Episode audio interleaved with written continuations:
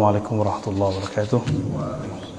Bil alamin wassalatu wassalamu ala nabiyyina Muhammad wa ala alihi wa ashabihi wa li baitihi wa dzurriyyatihi ajma'in. Baik kita lanjutkan kajian Riyadhus Shalihin.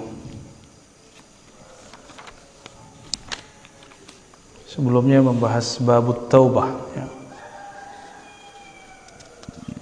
Terakhir kita membahas tentang jadi Allah tertawa. Nah, ketertawa di sini tidak diartikan tertawa seperti makhluk.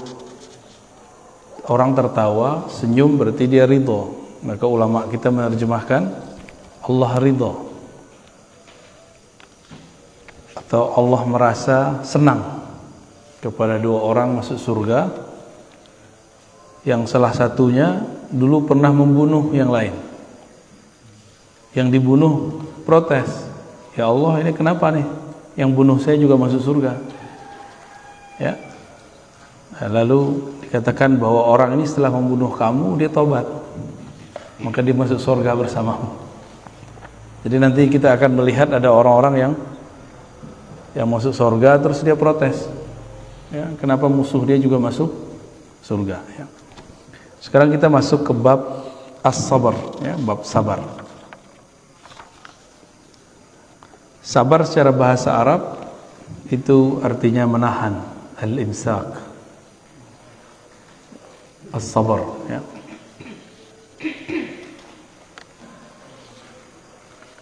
Sabar itu banyak macamnya, tidak hanya musibah. Termasuk ngajar itu perlu kesabaran. Ya. Ngurus masjid butuh kesabaran, ya. Ngurus RT ngurus butuh kesabaran ya Pak RT ya. Semuanya perlu kesabaran ya.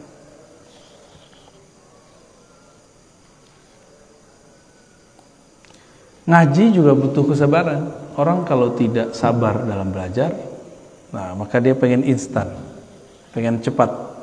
Salah satu ciri-ciri akhir zaman ini orang tidak mau berguru, nggak mau datengin guru, maunya langsung. Jadi dulu Imam Syu'bah dan sebelumnya ada lagi Imam Sya'bi, Amir Sya'bi mengatakan dulu ilmu ini cuma di dada ulama. Ketika ditulis, maka orang yang bisa membaca ikut membaca apa yang dihafal oleh para ulama. Akhirnya orang yang bukan ulama berkomentar terhadap agama. Dan itu terjadi tambah parah karena dulu cuma ada di tulisan. Dulu warakat sekarang sudah masuk ke Google, YouTube. Jadi orang-orang yang cuma nonton YouTube itu sudah berani komentar dalam agama hari ini. Orang-orang yang cuma baca di Google lembaran-lembaran maya itu sudah berani nyala-nyalain ustadz. Ya, sudah berani kemudian uh, mengatakan wah ustadz itu sesat. Padahal dia tidak mengerti apa-apa. Ya. Nah itu terjadi. Uh, ini zamannya adalah puncaknya puncak dari kekhawatiran Imam Ash-Sha'bi. Ya, mau gimana lagi ini sudah takdirnya kita. Orang-orang yang tidak sabar, dia belajarnya lewat Google, lewat YouTube, sosial media. Lewat, kalau dulu lewat buku.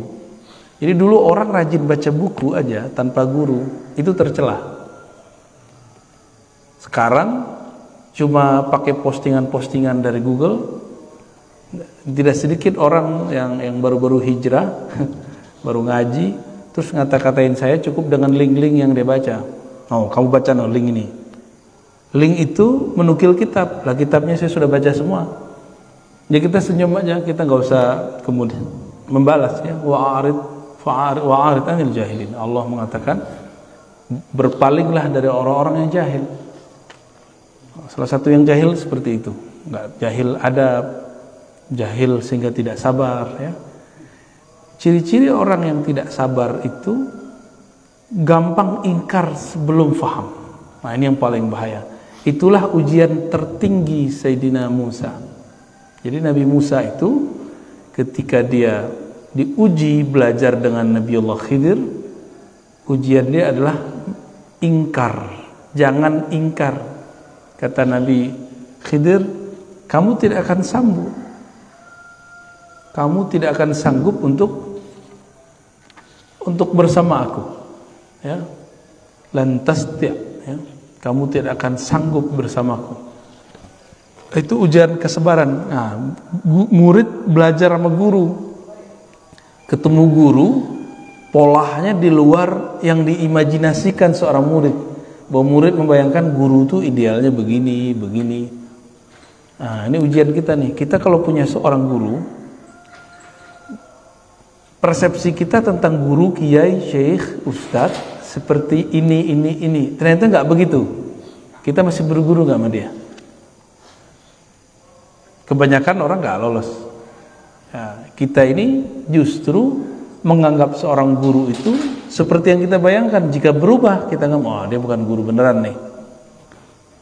Nah, kalau begitu kita aja yang jadi guru, ya. Berarti kita maunya standar sendiri, kita aja punya guru. Kita yang jadi guru, mereka nggak usah, mereka jadi muridnya. Jadi ada orang-orang yang berguru sesuai nafsunya, persepsinya.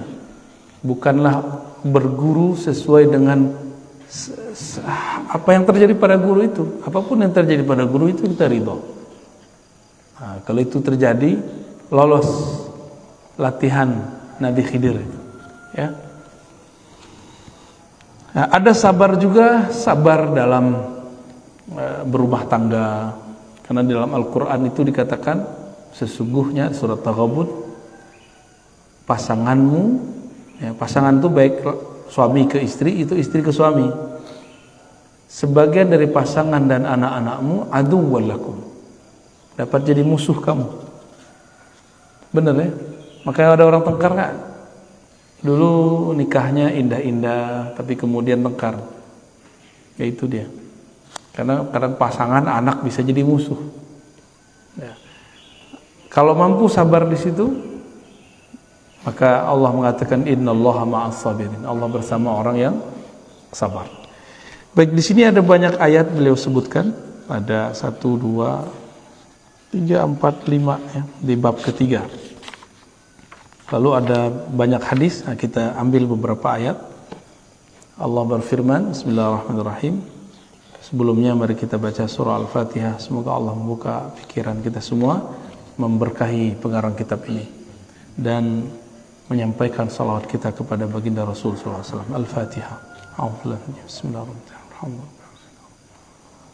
Ya kemudian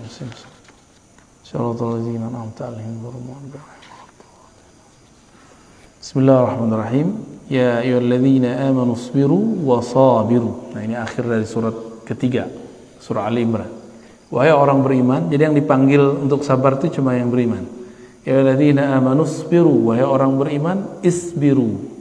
Bersabarlah, bertahanlah. Wasabiru dan berwasiatlah satu sama lain dalam kesabaran. Nah, jadi kalau di rumah tangga kadang kita yang sabar, kadang pasangan kita yang sabar. Kalau kita di komplek ya. Kadang kita harus nahan-nahan diri. Ada juga sabar yang belum yang jarang dibahas orang adalah sabar menahan dua hal nikmat dan rahasia. Menahan untuk tidak posting nikmat yang kita dapat habis dari mana posting. Itu kalau teman-temannya iri ya selesai sudah nanti dikomentarin macam-macam karena ada ungkapan kullu man'umin mahsud. Setiap orang yang dapat nikmat pasti kena hasad. Pasti ada yang hasad sama dia. Ya. Setiap orang-orang yang dapat nikmat pasti ada yang hasad. Jadi jangan sering-sering posting keluar kota, posting lagi di mall mana, nggak usah. Ya. Keluar negeri. Kalau orang lain biarin, orang lain yang posting kita biarin. Ya. Karena ada beberapa beberapa kawan itu nggak kuat ya melihat orang lain dapat nikmat, nyesek dadanya. Ya. Tapi kita juga nggak akan berhenti menikmati hidup kita cuma karena ada orang hasad gitu. Udah nikmati aja hidupnya. Ya, kira-kira begitu ya.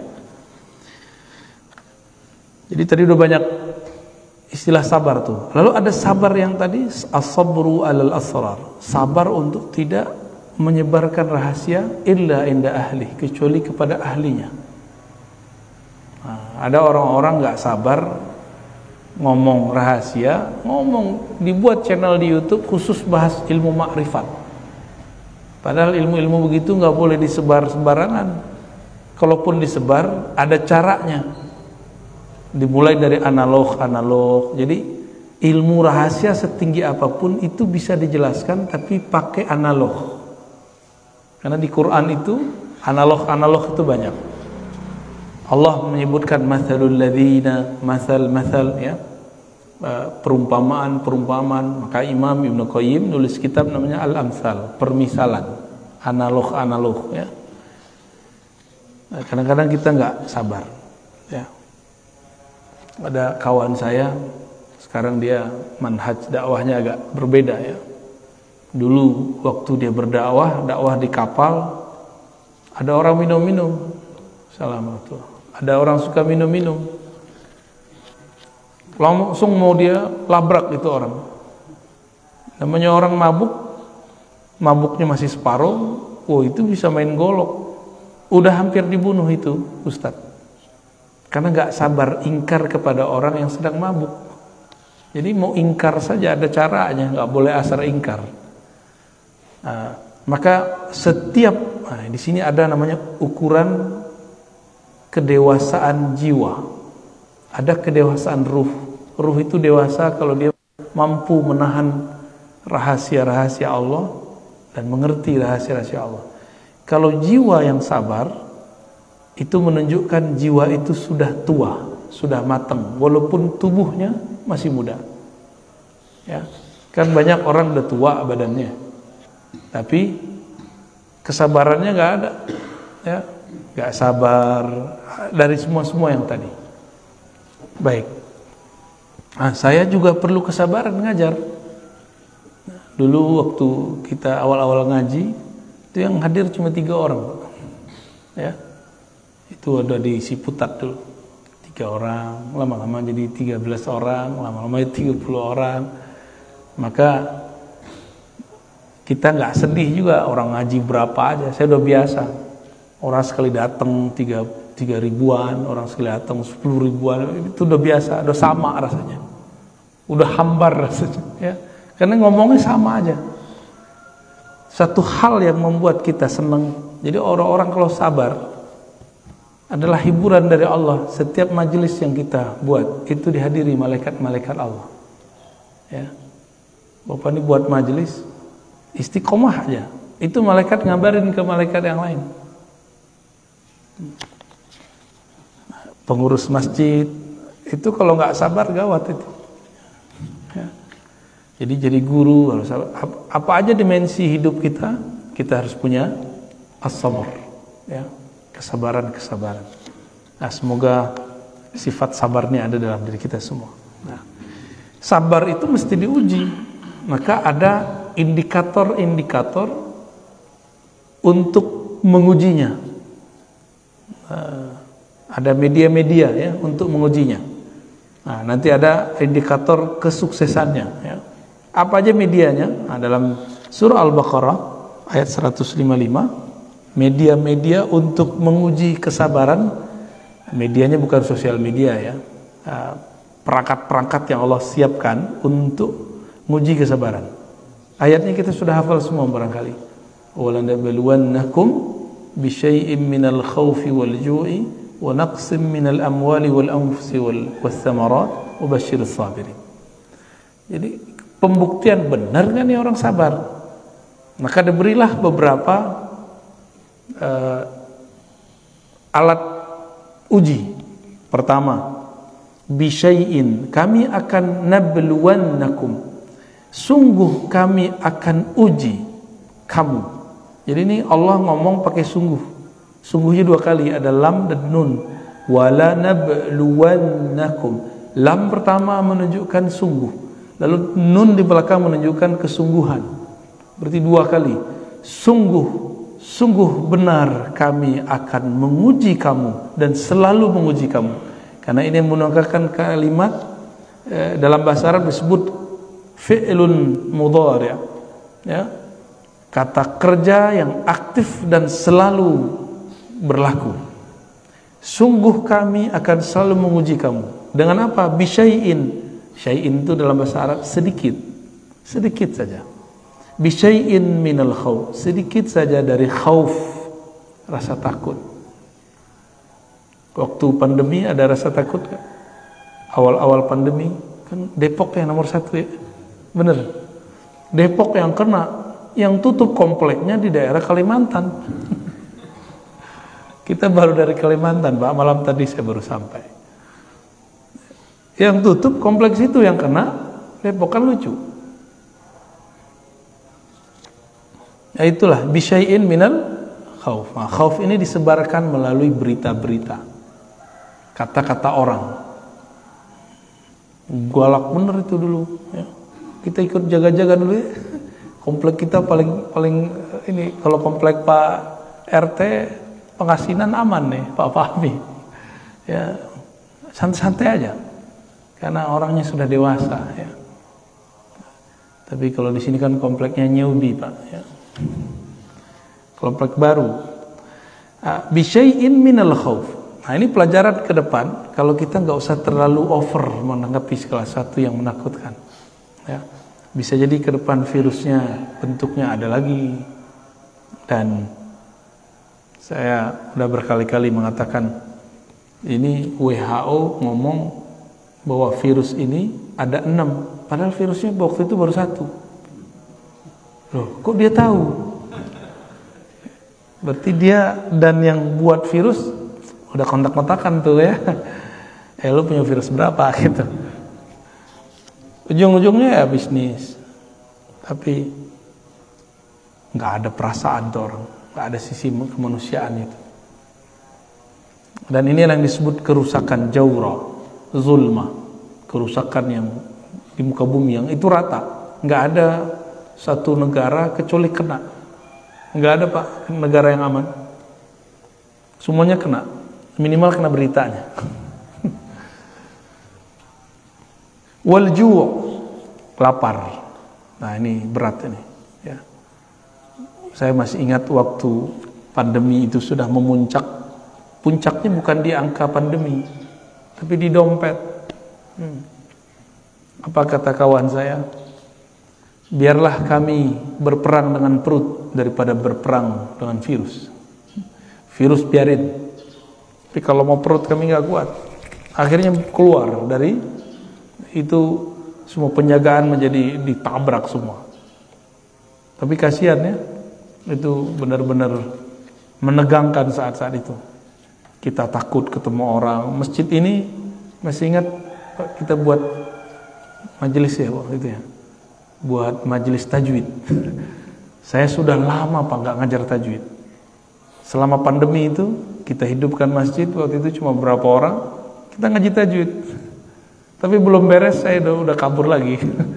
Maaf ya Pak ya. Nanti yang ngajar Ustadz. Ustadz Zen mana Ustadz Zen?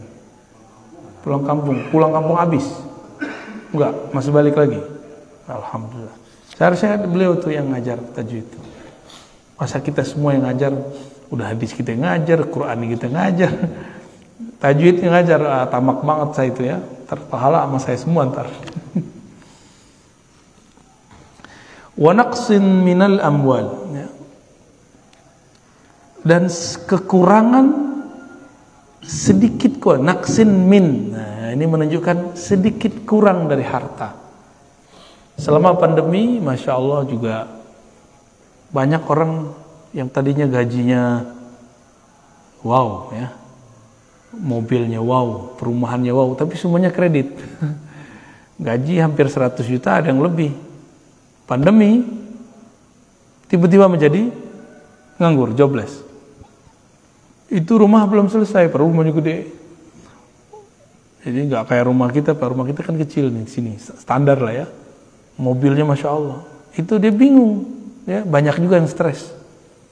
Maka kemarin itu lebih banyak orang meninggal karena stres daripada virus. Ini hemat saya loh ya. Karena kita eh, teman-teman eh, saya yang meninggal sebelum sebelum kena virus ke apa. Tapi kebanyakan dia stres, stres duluan. Gimana nggak stres? Orang udah sakit, satu ruangan sendiri. Stresnya itu. Wah itu lebih lebih dahsyat stresnya. Kalau dia nggak belajar ilmu mengenal Allah, maka dia nggak tahu cara memanfaatkan kesepian itu. Ya, kalau saya dulu emang seneng sepi-sepi, Pak. Jadi saya dulu waktu kecil itu dilatih untuk zikir sendiri 40 hari 40 malam. Gak boleh ngomong kecuali sepentingnya. Kita cuma tiga tuh ya di, di, di surau itu. Saya di tengah, di sudut teman saya, itu bertiga aja. Kita nggak ngomong-ngomong kecuali di waktu-waktu tertentu. Lampu yang dihidupkan cuma lampu kecil sekali. Sehingga udah terbiasa sepi. Kayak saya bilang ke ke orang di rumah, kita cari rumah yang agak ke hutan-hutan yuk. Nggak mau deh. Sudah terbiasa sepi gitu. Maunya di komplek. Kalau di komplek, urusannya komplek Pak ya. Wal anfus ya. Dan kekurangan jiwa, maksudnya mati. Nah, virus itu inilah dalilnya. Kenapa mesti ada orang meninggal karena virus? Ini dalilnya. Bahwa memang akan selalu ada apa pun itu namanya, entahkah virus, entahkah musibah alam, ya bencana, apa pun namanya, nanti akan terjadi. Mungkin kita akan menyalahkan virus, menyalahkan uh, apa namanya yang baru disuntikan ke kita itu apa? Vaksin. Itu kan konsep kita pak kalau ditakdir Allah orang ini meninggal tanggal sekian hari sekian. Dibuatlah sejarahnya biar nggak terlalu mencolok dia meninggal setelah kena virus atau setelah dimasukin. Ya itu cuma jangan ketipu. Jangan salahkan siapa-siapa. Ya kenapa saya katakan begitu? Ada satu riwayat dalam riwayat Imam Qurtubi, riwayatnya menyebutkan malaikat maut yang dalam bahasa Ibrani disebut Israel, dalam bahasa Arab itu masih diperdebatkan namanya. Malaikat maut. Itu datang kepada Allah semacam demo, ya Allah. Jadi ternyata malaikat maut ini punya sisi eh, apa ya? Yang lembut juga. Apa kata dia? Ya Allah, jika engkau membiarkanku mencabut nyawa makhlukmu, maka semua makhlukmu akan benci dan takut kepadaku. Terus gimana? Tenang, malaikat maut, kata Allah.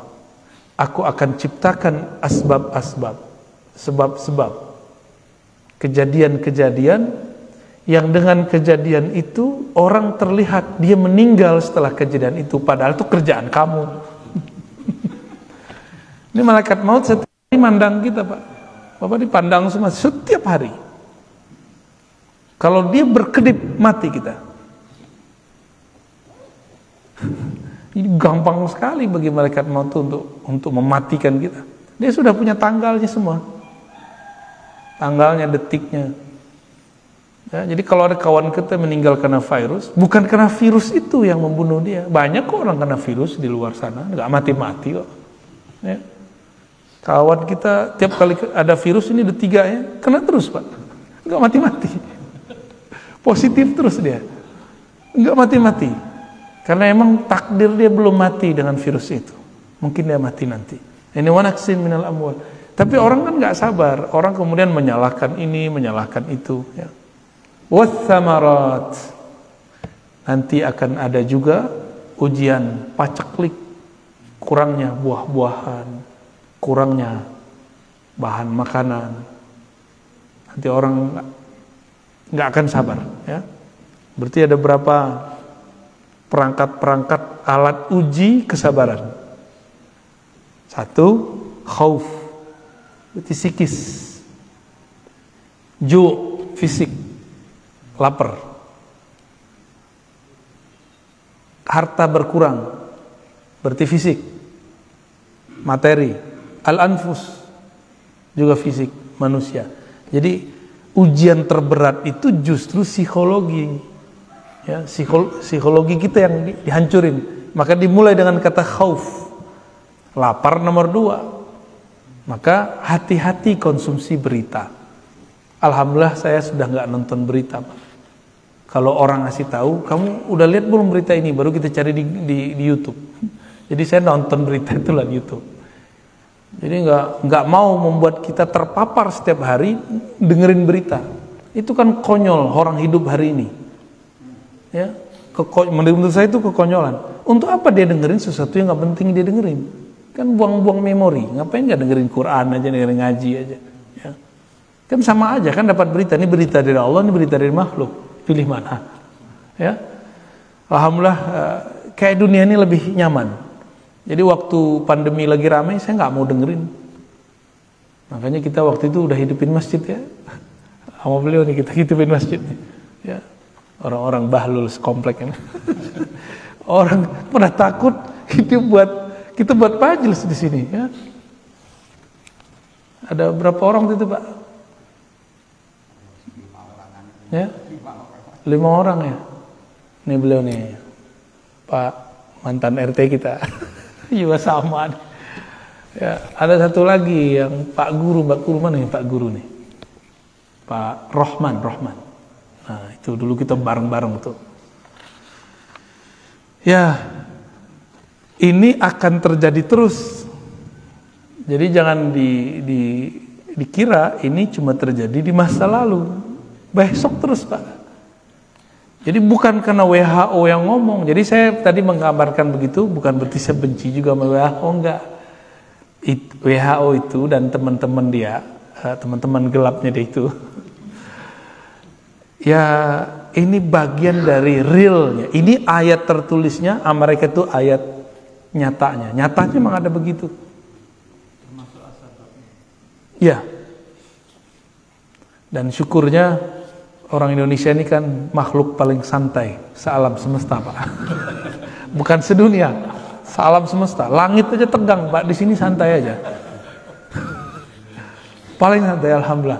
Jadi kita ini punya habit kesantaian yang di atas rata-rata. Kawan-kawan kita di Singapura aja itu mereka sangat disiplin. Disiplin itu bagus tapi terlalu disiplin tegang juga ya. Kita ini ya jujur aja, kita kan nggak disiplin. Benar nggak? Tapi kita hidup itu justru dari ketidakdisiplinan itu, Pak. Ya. Maka mohon maaf, saya tidak suka membandingkan negara kita dengan negara jiran, dengan negara Amerika, Prancis, Jerman. Saya nggak suka. Kemajuan kita justru dalam kesantaian itu. Jadi jangan kemudian mengatakan, oh Indonesia ini begini ya. Ya, kamu nggak tahu inilah power of Indonesia, Indonesian ya Indonesian power lah ya, al-quwah al-Indonesia. Kekuatan orang Indonesia itu di santainya. Bapak coba lihat orang Indonesia jalan. lihat orang jiran jalan, beda pak kita jalannya. Benar nggak? Eh, maka sekarang muncullah istilah kaum rebahan. Waduh, masya Allah, itu kan bahasa lain dari kesantaian.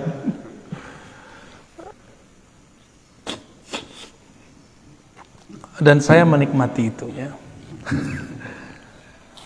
Tapi sesantai-santainya dia harus punya waktu serius.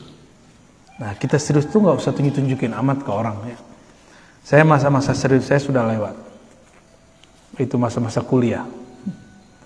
Kita kuliah saya sangat serius. Saya kalau nggak perlu saya nggak temenan. Jadi saya temenan cuma sama orang-orang yang menurut saya perlu. Egois banget kan. Jadi kalau nggak penting udah saya pulang. Pulang dari dulu itu kita cuma baca, baca, baca, baca. Kalau saya agak mumet saya nonton. Nonton film kungfu. Nanti udah selesai masuk terus. Begitulah terus. Jadi hidup itu kayaknya begitu aja. Cuma emang itu saya niatkan untuk masa depan. Jadi bagi saya biarlah tidak kerja sambil kuliah. Saya sabar dulu duit sedikit Sabar dulu nggak pacaran kan kawan kita nggak sabar dia pacaran duluan. sabar dulu ya. Sabar, sabar, sabar, sabar, sabar semua orang jalan-jalan kita nggak jalan-jalan. Untuk apa? Saya berpikir masa setelah kita nanti setiap hari itu kesibukan akan nambah. Mumpung masih jomblo, belum ada tanggungan, kita latih. Dan alhamdulillah Ini waktu saya membaca sudah hampir nggak ada sekarang. Tapi alhamdulillah kalau ngajar nggak perlu persiapan lah. Karena yang mau kita ajarin itu yang dulu kita baca semua. Dan saya nggak tahu itu pak. Yang saya baca itu dulu membaca aja. Di kampus sendiri misalnya karena kesabaran itu kita diminta mengajar satu materi dan itu bukan jurusan saya. Tapi saya ingat saya dulu pernah baca dua kitab tentang materi itu dan itu cukup untuk bahan ngajar. Dua kitab. Dua kitab tuh tebel ini, Pak. Kalau udah begini kan udah dolman tuh. Taruh di kepala kan lumayan. Nah, kalau orang sabar, kesabaran menempa otak, kesabaran orang kalau kita latihan fisik. Ya. Kalau orang yang latihan fisik, yang fitness itu, dia kalau nggak sabar, sakitnya tuh. Pegel-pegel pak. Kita pernah latihan fisik lumayan lama juga, itu sakit badan. Ngangkat berat. Kenapa dia mau sabar? Karena dia melihat ada foto atau melihat ada orang, tubuhnya six pack. Saya mau kayak gitu. Dia sabar dengan rasa sakit itu.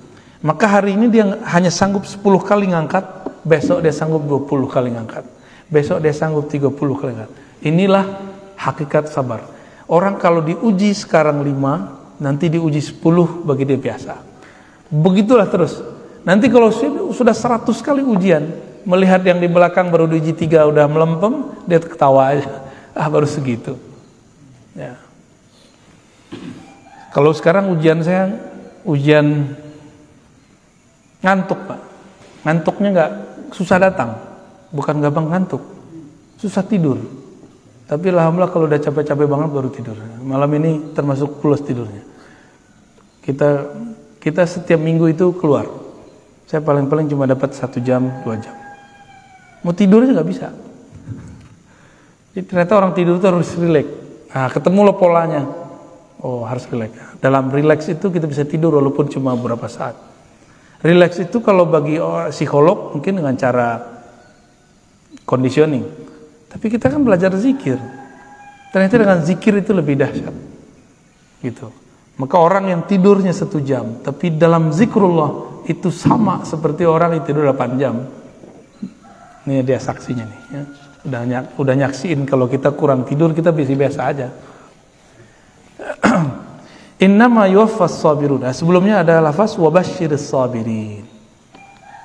Dan beri kabarlah kabar gembira terhadap orang-orang yang sabar. Kenapa? Tadi jika dia kuat diuji sekarang lima, besok dia diuji sepuluh, nanti dia melihat yang lima itu biasa banget. Ya.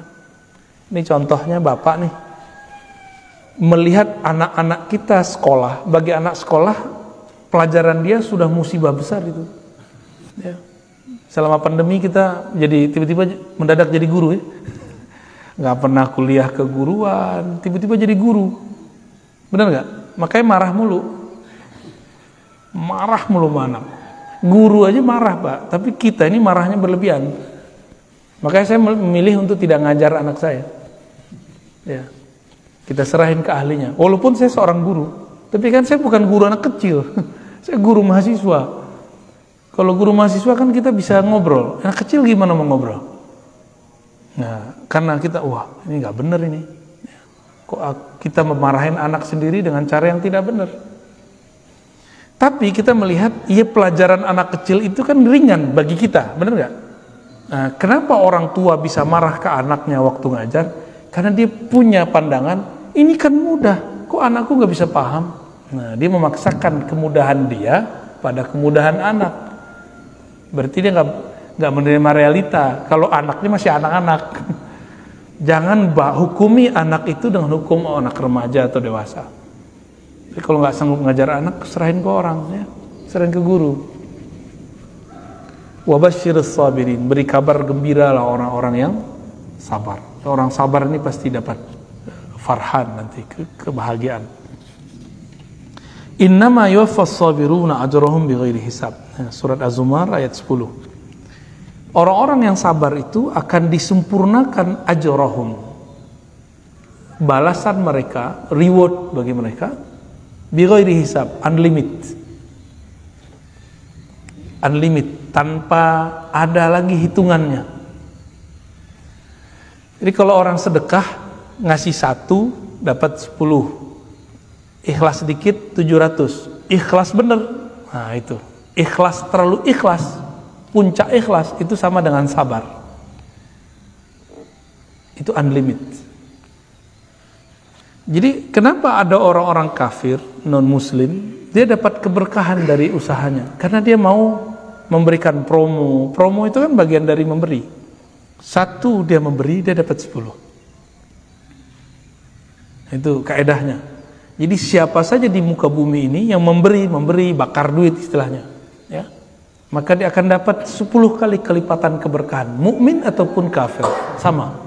Karena itu dalam dalam bab rahmaniyah Allah. Allah ini kan ada rahman, ada rahim sifatnya. Rahman untuk semua makhluk. Nah, mereka tuh dapat rahmannya. Maka dia, dia promo, promo, promo. Orang kita yang muslim kan enggak. Barang bagus tapi nggak pernah promo. Akhirnya nggak laku-laku. Begitu juga dalam hal-hal beragama ya. Innama yuwaffas sabiruna ajrahum bighairi hisab.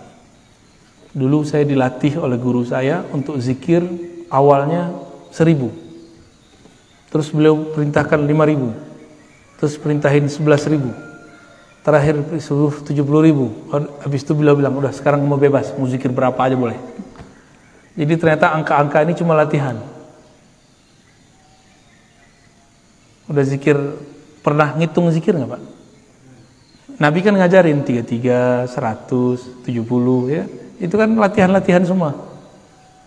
Pagi 100 100 itu satu zikir kalau kalimatnya ada 5 ada 500 berarti 500 kali kita melatih. Kalau kalimatnya 10 udah 1000 1000 kali kita menyebut nama Allah. Ternyata latihan-latihan ini dilakukan oleh istri-istri Nabi. Juwairiyah Um uh, Sofia sahabat Nabi Abu Hurairah. Itu mereka punya alat tasbih untuk latihan zikir.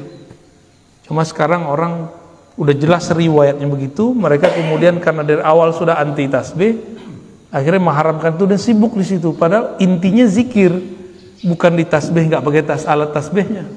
Jadi kita kadang-kadang gagal fokus. Ya, yang penting itu zikir, masalah cara itu terserah.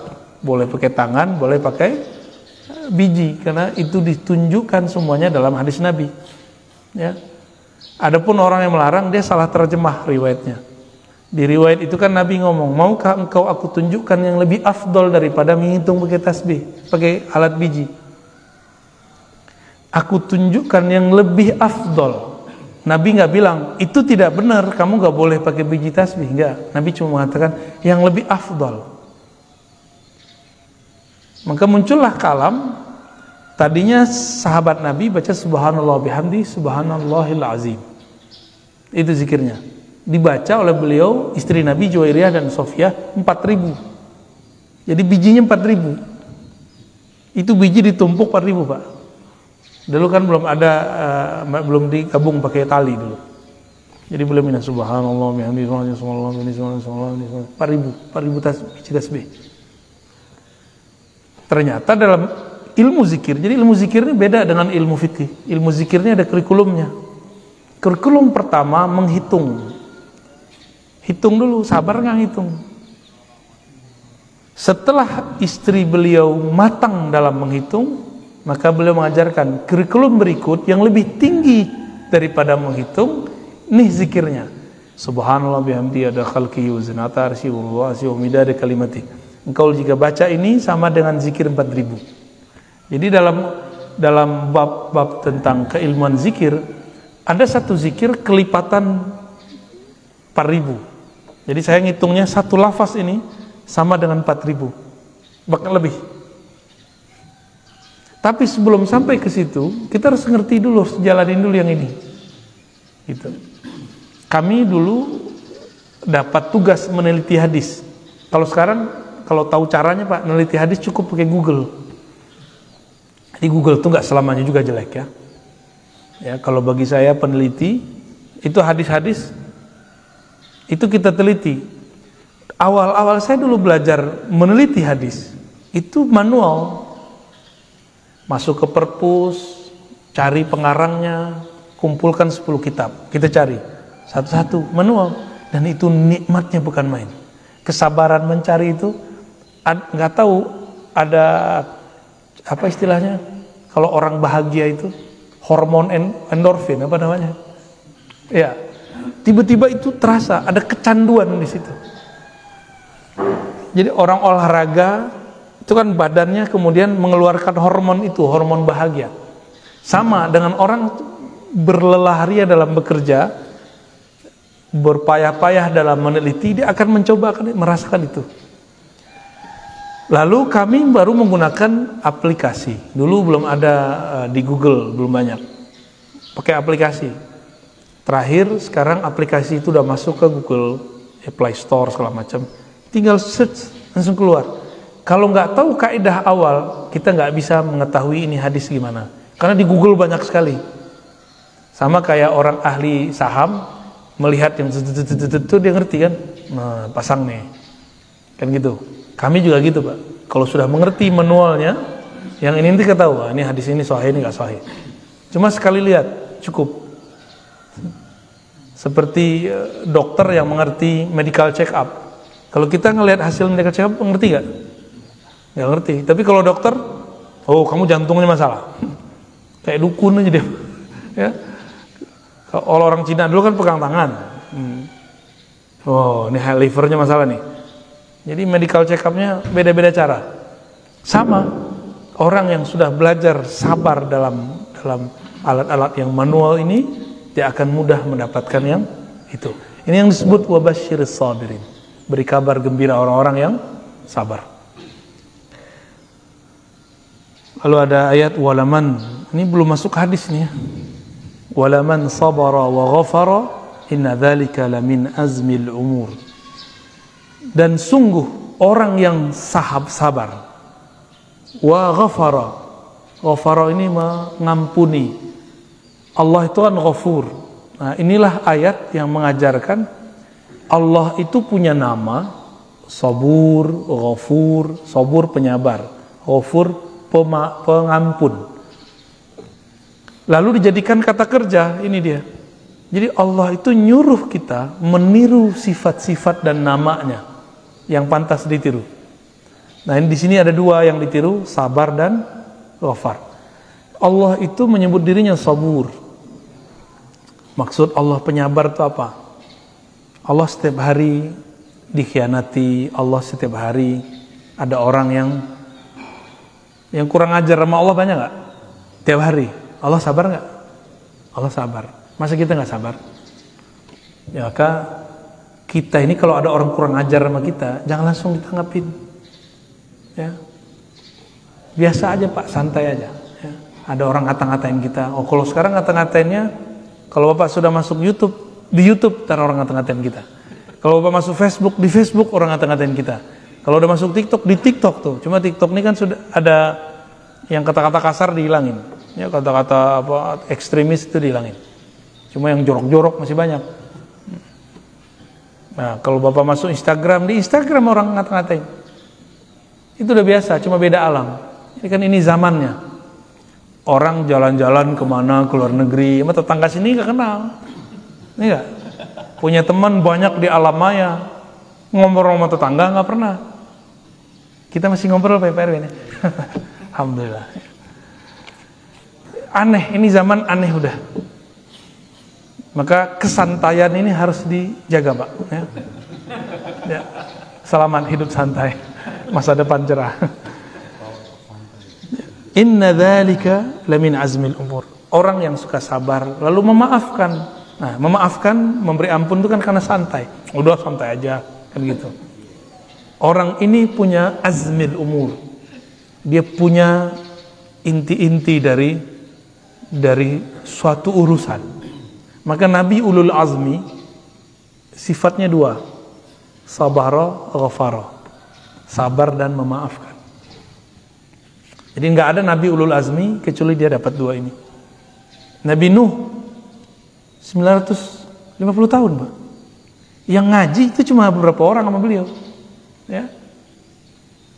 Jadi saya kalau di komplek orang ngaji segini, saya udah bersyukur bener udah, ya. Karena Nabi Nabi Nabi Nuh, masya Allah, ya. Tapi namanya harum kan sampai sekarang. Kalau ujian ustadz itu pak, di luar rame, di sini enggak makan hati. Nah, tapi karena saya sudah biasa sepi dari dulu, itu biasa aja. Ya. Dulu yang ikut cuma satu dua tiga kita baca dulu. Ini biasa aja udah, maka orang kalau langsung terkenal itu bahaya. Kan sekarang e, banyak orang yang nggak sabar untuk syuhroh. Nah, ini kalau terjadi maka adalah ustadz stres. Pernah udah ngeliat ustadz stres belum? Saya udah ketemu ada ustadz stres, gila udah miring. Ngomong-ngomong sendiri kayak ceramah sendiri. Pengen terkenal, posting-posting sendiri ya nge-like nge-like sendiri lah nggak ada yang nge-like paling teman dia aja ponakan dia kita itu nggak usah berpikir ke sana kita itu berpikir apa yang bisa kita buat nah mau sabar di situ maka disebut punya azam nah, Nabi Nuh itu disebut Nabi Ulul Azmi karena dia nahan itu 900-an tahun ya kita baru punya anak berapa tahun udah menghardik-hardik anak aja ya. Baru punya istri berapa tahun udah bilang istri durhaka. Baik, ista'inu bis sabri was salah innallaha ma'as sabirin. Ini orang banyak nanya, cara khusyuk gimana? Nah, coba lihat ayatnya. Ista'inu minta tolonglah kepada Allah dengan sabar dan sholat. Bukan sholat dulu, sabar dulu.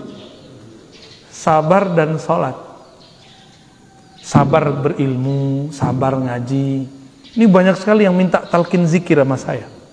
Kita bilang, metode saya ngajar bukan langsung talkin. Talkin zikir itu membimbing orang membaca nama Allah. Enggak, yang pertama itu ngaji dulu. Sabar dulu ngaji. Karena orang yang sabar bersama Allah. Kalau sudah bersama Allah, sholat khusyuk enggak? Jadi cara khusyuk bukan dengan cara aneh-aneh. Sabar aja sabar ngaji, sabar zikir, sabar ngaji, sabar mujahadah, sabar khidmah. Kalau sudah sabar semua, takdir langsung bersama Allah. Karena orang sabar itu selalu bersama Allah. Innallaha ma'as sabirin. Surah Al-Baqarah 193. Jadi metode khusyuk paling cepat sabar. Gak perlu belajar torikot aneh-aneh. Gak perlu belajar pelatihan ini, pelatihan itu. Sabar aja. Tapi sabar versi Allah, bukan versa sabar versi kita. Kita kan sering ngomong, aku udah sabar tapi kok enggak, ah, berarti belum sabar. ya, orang sabar nggak ada ngomong begitu. Terakhir, berarti kita baru nyampe di ayatnya, tapi ini ayatnya sudah dahsyat ya. Walanabluwannakum sungguh benar-benar kami akan selalu menguji kamu. Hatta na'lamal mujahidina minkum wasabirin sehingga kami mengetahui na'lam. Kalimatnya pakai na kami. Kami di situ sebenarnya bukanlah Allah semata tapi malaikat wali-wali Allah nabi-nabi Allah tahu kalau kamu ini pejuang atau orang-orang yang sabar ya mumpung belum perang ini kan belum perang Pak nanti itu perang itu urusannya urusan perut. Negara sama negara bisa invasi, invasi nanti. Asbabnya bisa virus, disebar segala macam. Makanya kita udah melihat gejolak itu sudah mulai muncul. Dan negara-negara yang yang sudah mulai sadar mereka baca prediksi yang bagus,